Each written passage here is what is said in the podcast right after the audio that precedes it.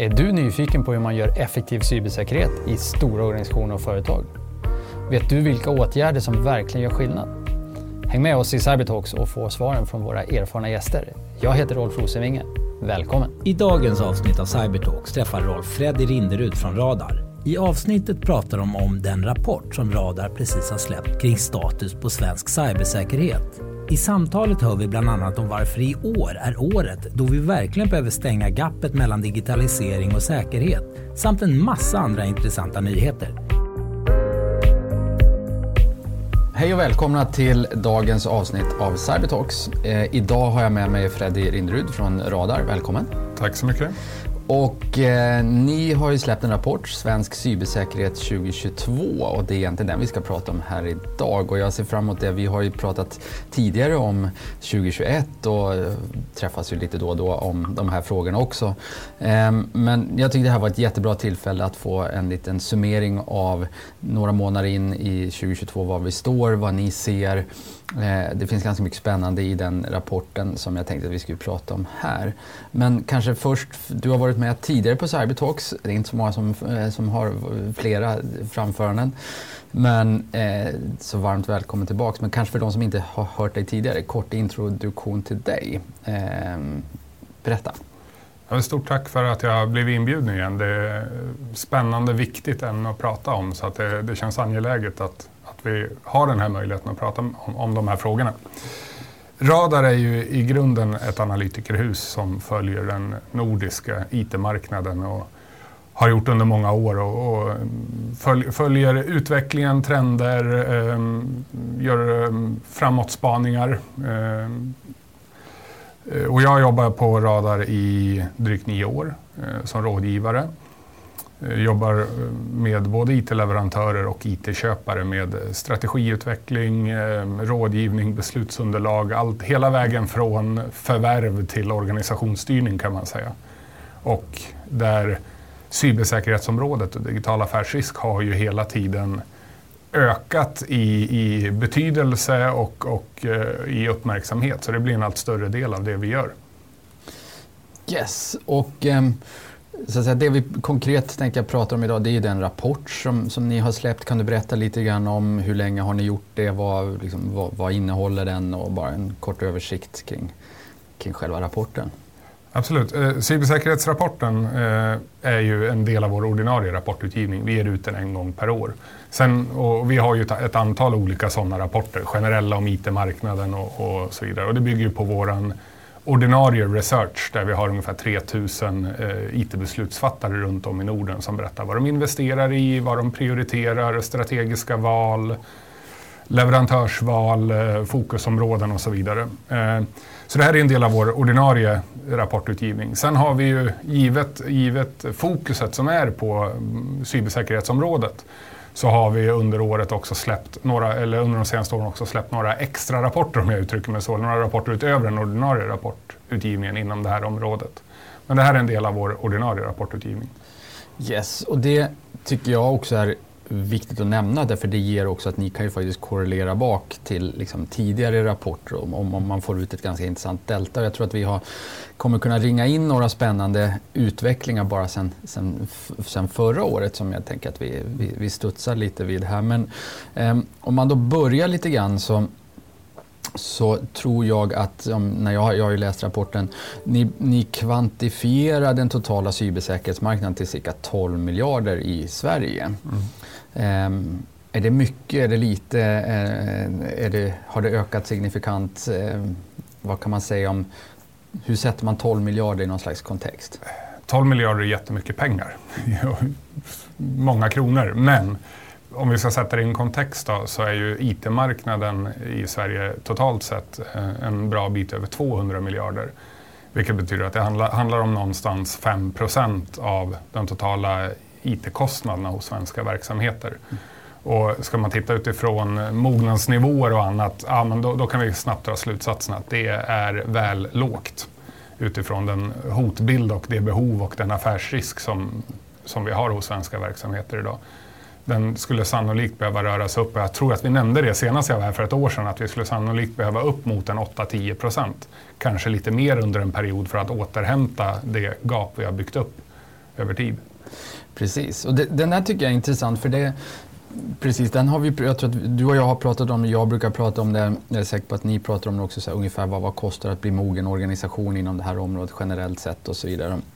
Och därför tycker jag också det är intressant att göra den där så att säga, utzoomningen upp till någon slags makronivå och egentligen konstatera att det ser likadant ut på makronivå som det gör nere på den individuella. Och det är ju såklart, man, man lägger ihop alla de individuella casen och så blir det makronivån. Men, men det är ändå lite intressant att de 200 miljarder är den totala IT-spenden. En bit över 200 miljarder. Ja, dessutom. Ja. Så, och cybersäkerhetsmarknaden uppskattas då till 12 miljarder. Då har vi även på makronivå ett ganska signifikant underspend egentligen. Ja, men, och det kan vi konstatera i rapporten också. Vi har ju, vi har ju frågat IT-beslutsfattare mm. eh, kvantitativt. Eh, vad, hur bedömer du era egna eh, er egen investeringsnivå i cybersäkerhet och över 50 procent säger själva att nej, vi är underfinansierade. Mm. Och då ska vi veta att den här typen av, av research så tenderar man ju att överskatta sin egen förmåga. Så om drygt 50 procent säger att nej, men vi är underfinansierade så skulle du eller jag gå in och göra en, en audit eller vad vi ska kalla på dem, då skulle vi nog landa högre än det i, i andel underfinansierade. Och det där tycker jag är intressant. Ehm, och funderar ju en hel del, vi funderar en hel del över det här själva. Ehm, men intresserad av, av ditt perspektiv också. Så vi har ändå pratat om cybersäkerhetshoten ganska länge. När jag träffar ledning av styrelser så säger många när man kommer dit du kommer inte med en till hotbrief va? för det har vi hört några gånger. Eh, Skräm, skrämsel. Ja, och så brukar jag säga nej den, den, den har ni säkert fått så många gånger redan av andra. Nu ska vi prata om hur vi löser och vad vi gör och, och hur man systematiskt tar sig dit och vad det kommer kräva och vilka liksom, ledningsbeslut som behövs och så vidare. Men men det är ju ändå intressant att... Ehm, och, och vad, tror, vad tror du är... Alltså, varför har vi egentligen inte rört oss snabbare? Vi har ändå pratat om det här hotet några år nu. Eller är det bara den naturliga, att vi rör oss så fort vi kan egentligen som, som samhälle? Jag, jag tror att det finns flera skäl till det. Eh, dels eh, dels har vi en hög andel omogna verksamheter och då, och då kan man inte riktigt eh, överblicka den affärsrisk det innebär. Sen har vi inte satt det i ett affärsriskperspektiv utan vi har pratat om, om, om eh, NIST-mognadsnivåer eller eh, ISO-compliance eller andra ganska liksom, tekniska ramverksdefinitioner. Eh, och det gör ju att det blir abstrakt för en, en eh, styrelseordförande eller en VD att, att överhuvudtaget ta till sig vad innebär det här för min verksamhet. Och en VD eller en styrelseordförande sitter ju med många fler frågor än, än cybersäkerhet på sitt bord och att då ta till sig att ja, men det här är en viktig fråga för vår överlevnad, för vår affärsverksamhet, för, eh, det är ganska svårt. Och, och då blir det, också, det har också varit svårt att motivera snabba steg framåt. Och sen något som vi alltid, liksom, i, de, i sådana här samtal som man alltid kommer ner till, det är ju konflikten mellan, mellan, mellan fokuset på att digitalisera och digitalisera snabbt, hög innovationstakt, mer gadgets till verksamheten och det ska gå fort. Eh, kontra att, att, investera i säkerhet. Och här, här finns det en inbyggd konflikt som är omöjlig att undvika. Och när det har varit väldigt stort fokus från politiskt håll, från eh, samhällshåll, från eh, privatpersoners beteende med, med digitala verktyg och, och, annat. När det har varit väldigt mycket fokus på det, då har säkerhet hamnat i skymundan. Men det vänder nu. Yes, och det ska vi tror jag, återkomma till för det är precis det du, eh, vi pratade lite här vid kaffet innan och vi hade cirklat in på båda två så den ska vi, den ska vi definitivt prata mer om. Eh, men jag, bara tillbaka till en av de grejerna som du sa för jag tycker att det är viktigt. Just den här att för att få för att röra sig mot en mognad snabbare så tror jag, och det är väl kanske det du är inne på också, att vi som säkerhetspractitioners, vi har ibland glömt den andra delen av ekvationen. Det vill säga vad kostar det och vad är benefits av att investera de här pengarna. Vi har kunnat först prata hot, sen har vi pratat lite grann peers och sen har vi pratat NIST-mognader och så vidare. Men vi har lite grann glömt den där andra rätt viktiga delen av ekvationen. Det vill säga, så vad kostar det att ta sig dit vi vill och, och hur gör man det eh, of what's the benefit av att ta mm. sig dit. Mm. Eh, och det märker vi väldigt tydligt att genom, och har en, en hel del sådana diskussioner med, med framförallt med storbolag och även en del medelstora, att det är när man har den diskussionen med koncernledningar och styrelserna, då får man nästan alltid, ja men nu fattar vi, vad bra, vi kör. Eh, varför har ingen sagt det här tidigare? Så man har lite grann suttit och väntat på att få det här framlagt på det sätt som man är van att fatta beslut. Eh, och det tror jag ligger ett stort ansvar på. Så där tror jag också en sån här typ av rapporter kan hjälpa till att, att säga, skapa den förförståelse som gör att man är faktiskt är primad för den, för den delen av så vad kostar och hur tar vi oss dit? Istället för att bara prata risken. Ja, men jag, jag instämmer helt och jag kan tycka att det i sig säger någonting att vi i november, Radar, eh, i november släppte en rapport som heter Från IT-säkerhet till digital affärsrisk. Mm. Där hela liksom, anledningen till att vi släppte rapporten är att hjälpa IT-beslutsfattare att tillämpa etablerade modeller för att hantera affärsrisk även inom IT-området. Eh, för att på så sätt eh, ja, kunna hantera digital affärsrisk på samma sätt som vi hanterar finansiell affärsrisk eller andra och få en styrelse eller ledningsgrupp att förstå det här. Och att vi behöver släppa en sån rapport, att vi känner att, och, och all den uppmärksamhet vi har fått för den rapporten också, den säger ju någonting om hur omogna vi är och att vi inte har det fokuset eller inriktningen eller förklaringsmodellerna, eller har haft i alla fall, eh, som krävs för, för att hantera det här ur ett affärsriskperspektiv. Exakt. Ja, men bra, och, och, då är vi lite grann tillbaka till den som, som vi skulle komma tillbaka till också. Att men du pratade om att, att det vänder lite grann nu. Eh, kan du berätta lite om vad är det som vänder? För det, det, det, är ganska intressant. Vi har pratat mycket tidigare om att, som du är inne på, man har investerat mycket i digitalisering, man har inte investerat lika mycket i säkerhet och deltat däremellan i risk. Och det brukar jag ju säga här på, i Cybertalks också. Men, men nu händer det lite grejer. Ja, men, men det gör det. Vi, vi, har sett i några år att eh, investerings, eh, liksom investeringsnivåerna inom cybersäkerhetsområdet växer betydligt mer än IT-marknaden generellt. Eh, under några år här så har vi sett också att investeringarna i strategiska eh, komponenter eller eh, strategisk utveckling av, av cybersäkerhetsområdet växer betydligt mer än det tekniska operativa. Och det gör ju att mognadsgraden också skjuter i höjden. Jämfört med förra året har vi ett, ett jättehopp i, i mognadsgrad hos svenska verksamheter. Den är fortfarande för låg, det finns fortfarande jättemycket kvar att göra så vi ska, vi, vi ska inte ropa hej än. Men, men andelen mogna eller, eller eh, åtminstone någorlunda kvalificerat mogna verksamheter, svenska verksamheter ökar väldigt kraftigt. Och det är ju ett resultat av att man investerar mer i det strategiska området eh, och börjar förstå varför vi ska göra det här. Inte bara att ja, men, vi behöver en brandvägg, mm. utan varför behöver vi den här brandväggen? Vad är det vi skyddar? Och är, finns det en alternativ investering istället för brandväggen? Och att man faktiskt har en strategi för att utveckla det här. Det gör att vi gör ett jättehopp. Vi ser också då i prioriteringar, om vi pratar generellt inom IT-området, så eh, tittar vi på svenska verksamheters eh, strategiska prioriteringar. Och där har för första gången i år så har säkerhet klivit över digitalisering. Och det tycker jag eh, var någonting som jag också studsade på när, när, jag, när jag läste rapporten. Eh, lite som den gamla eh, liksom, eh, eh, skämtet som Gert Fylking alltid stod och sa, äntligen. Men, men, det var ett litet sånt moment. Men, men för det lite grann har vi ju, många av oss kanske väntat på det. Eh, och, och nu händer det faktiskt. Och då blir det också intressant att ställa frågan, så varför händer det just nu? Är det inom citationstecken dri bara drivet av omvärldsutveckling, alltså Ryssland, Ukraina eller SolarWinds, Kaseya eller eh, har vi också som practitioners gjort något rätt eller är det liksom helt enkelt bara kombinationen av alla de här så att de sammanfaller nu och som har drivit den här liksom lite högre insikten om varför det här är viktigt? Ehm, på why-frågan så blir det här, mitt svar blir, eller mina tankar kring det här blir lite mer spekulativt för det här har vi inte liksom kvantitativ, kvantitativ data för att belägga utan, utan det här är mer känslan av det vi ser när vi är ute och möter IT-köpande verksamheter. Ehm, så är det just det du är inne på, det är en kombination av saker. Vi har ett, ett eh, omvärldsläge, en, en geopolitisk instabilitet som, som vi pratar om på gatan, gemene man pratar om på gatan. Eh, Rysslands orättfärdiga invasion av Ukraina. eh, är naturligtvis en sån. Det här kriget mellan ekonomiska modeller, Kina, Indien, Ryssland å ena sidan, Europa och, och USA å andra sidan, eh, påverkar.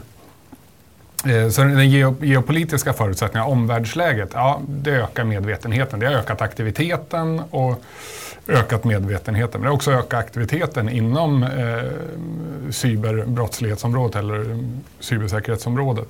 Och det har ju, det har ju skrivits mycket om det. Det har, har varit, eh, som du var inne på, eh, om vi får nämna namn då, men Coop, Synsam, Gunnebo. Det har varit ett antal incidenter som har blivit väldigt uppmärksammade. Eh, och i den här kontexten av osäkerhet så får de mer uppmärksamhet. Maersk, som var en jättestor grej för ett antal år sedan, fick inte alls samma mediala uppmärksamhet. Gemene man gick inte att prata om Maersk när det, när det hände, eh, hände där. Och det var kanske en större grej än Gunnebo, var, eller en mycket större grej än Gunnebo. Men nu i den här kontexten så får det mer uppmärksamhet. Sen vill jag faktiskt ge, ge, ge lite cred till, eh, jag säger er som jobbar med cybersäkerhet, eh, att investeringarna, de ökade investeringarna i det strategiska området gör att vi har blivit bättre på att förstå varför vi gör saker ur ett affärsperspektiv. Och gjort att vi har blivit bättre på att förklara för affärsverksamheten varför vi gör det. Och då helt plötsligt öppnas plånboken för då förstår de vad det är de betalar för. Och då blir det här, det, det här blir ju ett, ett, en, en uppåtgående spiral. För visst är det så och att, och att ni faktiskt också skriver om det i, rapporten att om man följer någon slags mognadskurva så eh, om, om man tar en typorganisation så har de, som, som börjar så har de flesta börjat med ganska teknisk operativ mm. eh, investeringar i, i säkerhet och, och, börjat bygga förmåga där. Och sen efterhand som man bygger mognad så lyckas man också famna det mer strategiska området, förankra i verksamheten, skapa förståelsen, de här sakerna du är inne på. Och det är när man, händer, när man lyckas med det som liksom lite hockeykurvan kommer, att man faktiskt kan ta de stora kliven för då, då har man ju den verkliga buy-inen. Men att det är ganska vanligt att man följer just den, den utvecklingskurvan så att säga. Är det, jag tror att ni skriver om, om det också. Ja, jo, men så, så är det och det är, det är både jättetydligt och helt logiskt. För att IT-området har ju, vi är ett ganska omoget område. Vi har funnits liksom substantiellt som område eller bransch i typ 50 år, vilket är väldigt lite. Och tekniken har alltid varit i fokus. Eh, vilket gör att vi hittar tekniska lösningar och vi ser tekniska problem.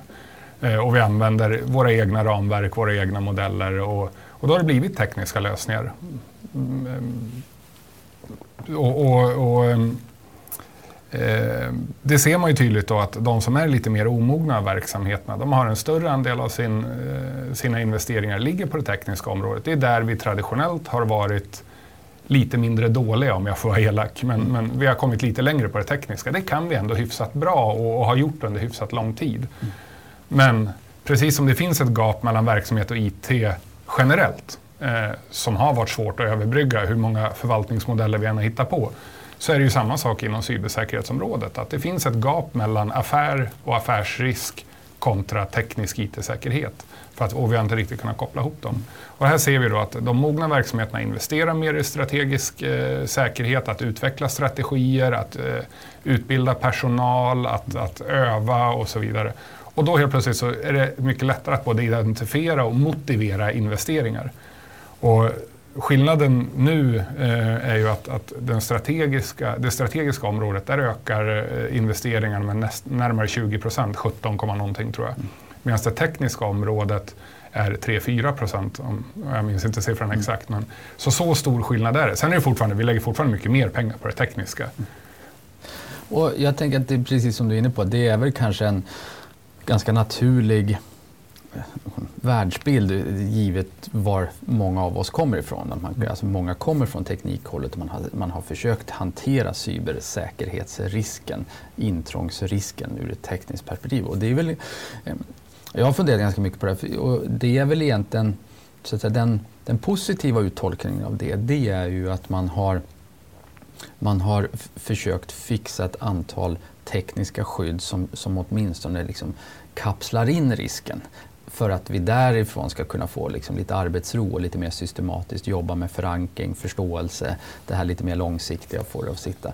Ehm, jag är ju inte säker på att det verkligen är så det förhåller sig på alla ställen utan ibland tror jag också att det har varit så att det har faktiskt, och det kan jag väl gå tillbaka till mina egna erfarenheter också, att jag har varit teknikintresserade eh, liksom, som har slängt teknik på ett problem.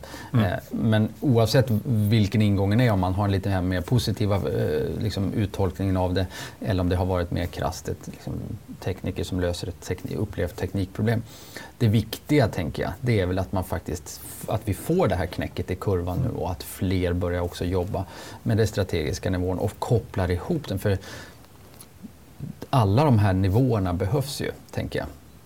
Ja, och, och eh, det får ju en annan effekt också när vi börjar gör, eh, jobba mer strategiskt med det. Som du är inne på det här med att det är teknikmänniskor som har, har, haft tekniska lösningar på något som egentligen är en affärsrisk. När vi, när vi liksom kommer till sista raden så är det en affärsrisk. Om någon tar sig förbi, förbi vår brandvägg, det spelar ingen som helst roll om det inte finns något bakom brandväggen. Men, men affärsskadan eh, där bakom, det är den som är relevant.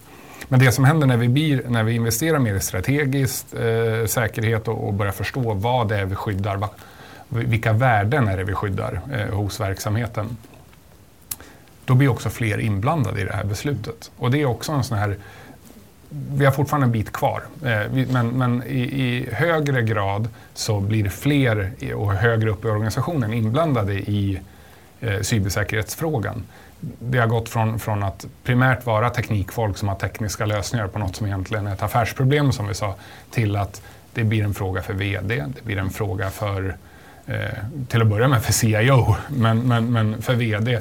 Och ytterst så är det ju faktiskt det är styrelsen i ett bolag eller, eller regeringen eller myndighetschefen som avgör vad är vi beredda att underkasta oss för risk? Vad är vi beredda att ta för risk? Mm. Och det här är jättetydligt när man tittar på digitaliseringsinitiativ. Eh, jag påstår eh, ovetenskapligt bara att så här, men av, de, av alla de digitaliseringsinitiativ jag har sett, hade man gjort en riktig investeringskalkyl på dem och tagit med riskperspektivet i det, åtta av tio hade aldrig sjösatts. Men det har varit sånt fokus på att digitalisera, så det har inte varit ett hinder, utan det har varit, det har varit go. Jaha, det är digitalisering, då kör vi. Yes. Men det intressanta är ju, tycker jag ändå, att, och, och, och, rapporten pratar en hel del om det, att, att i år är kanske också året där vi börjar se den här knäcken i kurvan och som gör bara det som du var inne på tidigare, att vi faktiskt, beslutsfattarna prioriterar upp cybersäkerhetsrisken och att det för första gången faktiskt ligger ovanför för digitaliseringsfrågan. Liksom, det är ju precis det start Liksom, då är vi kanske ur startblocken för att börja stänga det här deltat mellan, mellan, eh, som, som, som faktiskt har uppstått. Eh, det tycker jag är spännande och, och, och, många av de indikatorer som ni plockar fram stödjer ju också den tesen just till exempel kring investeringarna fortsätter att öka, beslutsfattarna prioriterar på ett annat sätt. Så, jag, har en ganska, jag blev ganska glad när jag läste mm. rapporten. Det, det, var, det kändes som en ja, men som faktiskt den där knäcket i kurvan som jag tror att många har jobbat väldigt hårt för att åstadkomma. Och det tycker jag också är viktigt att lyfta fram. Att tänk vad många cybersäkerhetspraktitioners från CISO-nivå ner till liksom brandvägstekniker och allt däremellan. Riskmänniskor som har jobbat för att åstadkomma det här. Och många har jobbat i många år för att skapa den här medvetenheten och den här verkliga viljan att förflytta sig. Och nu, nu händer det och det kommer kanske hända ganska fort. Också drivet av omvärldsläge och så vidare. Tänker jag. Ja, men det, det finns ett momentum nu helt klart eh, i, i, för det här området. Och, eh, jag håller med dig, äntligen. Det, det, här behöver vi verkligen. Som land, eh, som enskilda verksamheter, som liksom den nordiska regionen som en del av världen. Vi, vi behöver det här momentumet. Ehm, och, det, och det är, inte bara, det är inte bara indikationer på att det händer nu utan, utan det, det, är belagt i data att ja, det händer nu. Det är jättetydligt. Alla, allt, allt pekar på det. I princip all, alla punkter vi mäter på pekar åt samma håll. Det händer något nu. Och det som är häftigt med att det händer nu Eh, vi gör ju eh, ganska mycket större transformationsprogram, träffar ganska mycket eh, ledningar och styrelser och liksom hjälper till att rita upp och, faktiskt genomföra de här transformationerna. Det vill säga egentligen precis det som, som siffrorna också visar. Och det är precis som du säger, att min, och min känsla när vi träffar dem, till exempel koncerner, man blir, det känns rätt skönt. Alltså de är ju också glada Alltså att vi har gått och haft lite ont i magen, vi har inte riktigt förstått, vi har inte riktigt vetat vad vi ska göra. Men nu, nu, nu när vi har förstått och fått hjälp att förstå och faktiskt gör. Ja, vi, vi spenderar mer pengar på men vi ser att vi får ut någonting i, i andra änden och vi ser att risknivån går ner. Så är man ju faktiskt väldigt glad. Så att jag tycker det finns väldigt många positiva liksom, tecken att tolka ut ur egentligen det som, som återfinns i rapporten när man, när man så att säga, försöker lägga ihop det till, till en bild. Om, om, vi, men om vi samtidigt då ska problematisera lite, om jag ska ta mitt, mitt delvis norrländska skulle... arv för att fokusera på det som är jobbigt här. jag tänkte men, att vi skulle dit också. Nej, men, men en, effekt av, av, av att det svänger nu mm. är ju då istället att ja, men vi har inte tillräckligt många leverantörer med tillräckligt stor kapacitet. Vi har en jättekompetensbrist och så vidare. och Så vidare. Så det, det får ju en sån här ketchup-effekt om vi får kalla det det lite, mm. lite um, så, det, det, det, får ju, det får ju andra effekter då, som gör det svårt att realisera den här nyvunna insikten om, om, om, om vi får överdriva lite. Sant. Och, nej men, och det är ju, vi är ju trots allt säkerhetsmänniskor så vi får också lov att problematisera lite. eh, och jag tänkte att vi skulle göra det lite till. Eh, för det är ju också i rapporten finns det flera saker där ni också pekar ut vad som faktiskt är de, de största riskerna eh, och vilka bubblare det finns och så vidare. Men, men eh, och det kanske inte är någon, någon, överraskning för någon lyssnare heller, men, men det är fortfarande organiserad brottslighet och ransomware som kanske är det dimensionerande hotet för, mm. för de flesta, eller hur? Det, det är det. Eh, och eh, vill man liksom djupa, dyka djupare in i det så eh, vill, vill, jag nämna att vi kommer börja släppa en, en rapport ganska snart som kommer att släppas månadsvis eh, som vi kommer dela ut gratis eh, även för de som inte ingår i vårt nätverk eller till, tillgång till vår portal. Där vi tittar på säkerhetsläget just nu, där vi tittar på data om, om och eh, gällande faktiska incidenter. Så att man månadsvis kan följa vad är det egentligen som händer, för det här är en sån central fråga nu. Så den kommer gå att ladda ner. Men, men du har helt rätt, det är, de, det är de två som är mest frekvent förekommande. Men, och jag vill minnas att däremot så finns det en liten omsvängning även här där, vi, eh, där den upplevda hotet också från nation state-aktörer ökar ganska mycket nu bland beslutsfattarna. Ja, och, och här måste vi börja med att göra skillnad på de här. Det ena, det ena vi pratar om först är ju faktiska incidenter mm. och, och, faktiska effekter av faktiskt eh, inträffade incidenter. Det andra är ju den upplevda hotbilden och det är en subjektiv upplevelse hos eh, Ehm, som, som du kallar cybersäkerhetspractitioners. Vad, vad, vad, är man rädd för om vi uttrycker det så? Mm. Och där har vi en jättetydlig omsvängning eh, i år. Där, eh, som, som du sa, att, att det upplevda hotet från, från nationella aktörer har ökat ordentligt. Mm. Och det är ju logiskt utifrån det vi var inne på, den här geopolitiska omvärldsförändringen. Vi har vetat i massor med år vilka länder det är som har Eh, Eh, statligt finansierade, eh, statligt understödda eller i vart fall statligt skyddade aktörer inom cybersäkerhetsområdet. Vi, vi, vi, känner till massor med incidenter som går att koppla till statligt eh, stött eller statligt agerande mot, mot andra länder. Både mot, mot myndigheter, mot infrastruktur men även mot privata aktörer som har någon form av, av samhällsviktig funktion. Det har vi sett i många år. Så det är, det är, inget nytt. Nu i och med det geopolitiska läget så ser vi däremot, och det är omsvängningen då, att fler och fler tar till sig det här och, och upplever det här som ett hot. Men det är inte sagt att, att det finns en direkt korrelation med ökat antal incidenter, även om de ökar.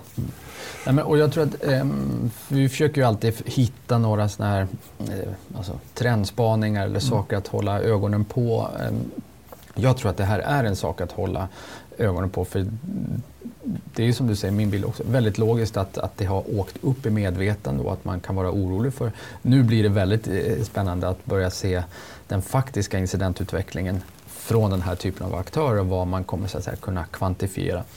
Jag tror ju också att ser vi en, alltså om vi här i en nära framtid börjar se en sån ökning så tror jag att det kommer, det kommer resultera i att en hel del ganska, alltså organisationer som upplever sig och som är ganska mogna idag kommer behöva göra en förnyad hot och riskanalys. Därför att det är trots allt signifikant skillnad på att försöka skydda sig mot organiserad eh, brottslighet versus att skydda, sig mot en, en nation state-aktör.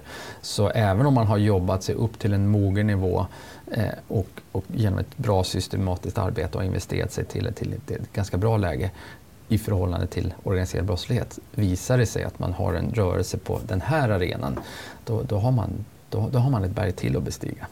Ja, och det blir ju tydligt när man investerar i strategisk säkerhet, man utvecklar strategier och man gör liksom grundjobbet. Man börjar med att rita huset innan man börjar bygga det. Mm. Då blir det också tydligt, ja, men vad är det för typ av, av, hot vi skyddar oss emot? Och när man bara sorterar upp det och får definitioner att förstå affärs eller, eller samhällspåverkan av olika typer av hot så förändras också vad man investerar i. Mm. Och, och vi ska säga också att, att eh, det taktiska området eh, som bland annat innefattar eh, intelligence, forensics och annat.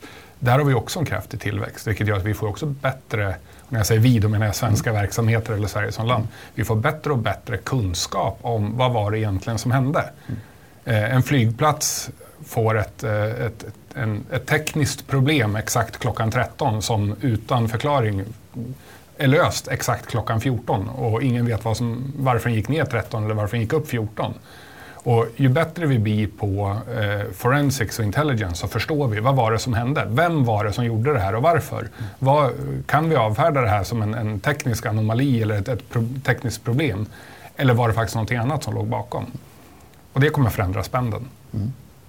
Ja, den är spännande. Um, i rapporten finns det också en sak, eh, tiden går fort här, men, men, det finns en sak till som jag gärna skulle vilja eh, lyfta fram. Vi har pratat lite om det tidigare här i Cybertalks, eh, men det återfinns också i rapporten och det är egentligen hela supply chain riskområdet. Eh, min bild är ju att många organisationer som har rört sig ganska signifikant på mognadsskalan har ju gjort det och helt naturligt så börjar man med sin egen organisation. Man, man blir bättre på att skydda den. Eh, samtidigt som digitaliseringen har fortgått, vi har outsourcat mer och så vidare. Och så har vi sett det här ökade antalet eh, supply chain-attacker. Eh, här upplever jag att det finns också ett stort gap mellan så att säga, hur man nu faktiskt börjar se på den risken och egen förmåga. Och jag tror att det framkommer i rapporten också som en av de trendspaningarna. Tre, tredjepartsrisk. Mm. Eh, jo men så är det. Och det är igen tillbaka till att vi är ett, ett eh, någon kanske blir arg när jag säger det, men tillbaka igen till att vi är ett ganska omoget område. IT-området är ganska omoget. Tredjepartsrisk har vi hanterat genom att säga att ni ska ha de här certifieringarna och sen har vi varit happy med det när vi outsourcar. Eh, Ehm, I en, en, eh, i ett sourcingbeslut har vi sällan med riskaspekten eh, överhuvudtaget. Utan, utan vi sätter, vi, vi sätter ett, ett, antal certifieringar eller mognadsnivåer enligt ITIL eller något annat som, som leverantören ska uppfylla. Så nöjer vi oss med det. Och det är klart att, att när vi har sett ett, ett, antal incidenter där det är tredje part som är, är vägen in eller som som, som har mm, på något sätt orsakat eller möjliggjort problemet. Ja, men nu ökar medvetenheten om det här. Vi kommer se mer av, av eh, due diligence på leverantörer innan vi väljer att outsourca till dem. Vi kommer inte nöja oss med att säga att ja, men vi, vi är certifierade på Cisco. Ja, bra, då är vi happy med det. Ni är certifierade på Cisco. Utan vi måste göra riskanalysen på våra leverantörer utifrån affärsrisken vi bär, den digitala. Och, men det här, det här, är, här är vi inte riktigt än.